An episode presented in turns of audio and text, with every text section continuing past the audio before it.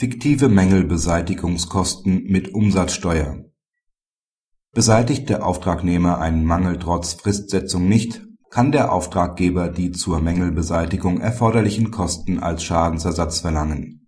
Der Schadensersatzanspruch beinhaltet auch dann die Umsatzsteuer, wenn der Mangel nicht beseitigt wird.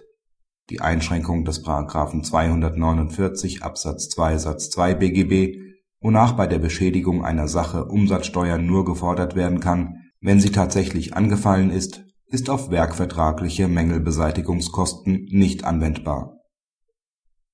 Der Auftragnehmer errichtet eine Stützwand hinter einer Garagenanlage.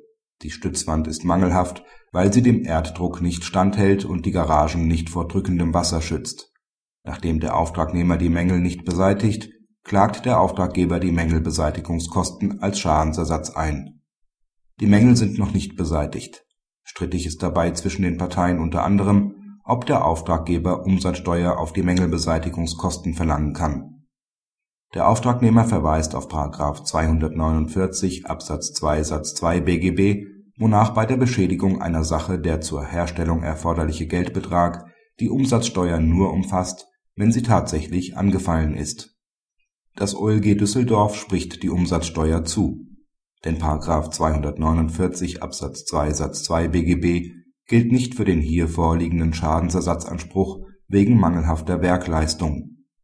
Der Anwendungsbereich des § 249 Absatz 2 Satz 2 BGB beschränkt sich auf die Geltendmachung fiktiver Reparaturkosten im Fall der Beschädigung einer Sache.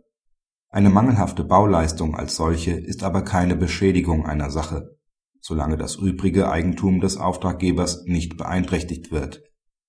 Hier kam es aber durch die Mängel der Stützmauer bislang nicht zu einer Beschädigung fremden Eigentums, so dass der Auftragnehmer die Umsatzsteuer zu ersetzen hat.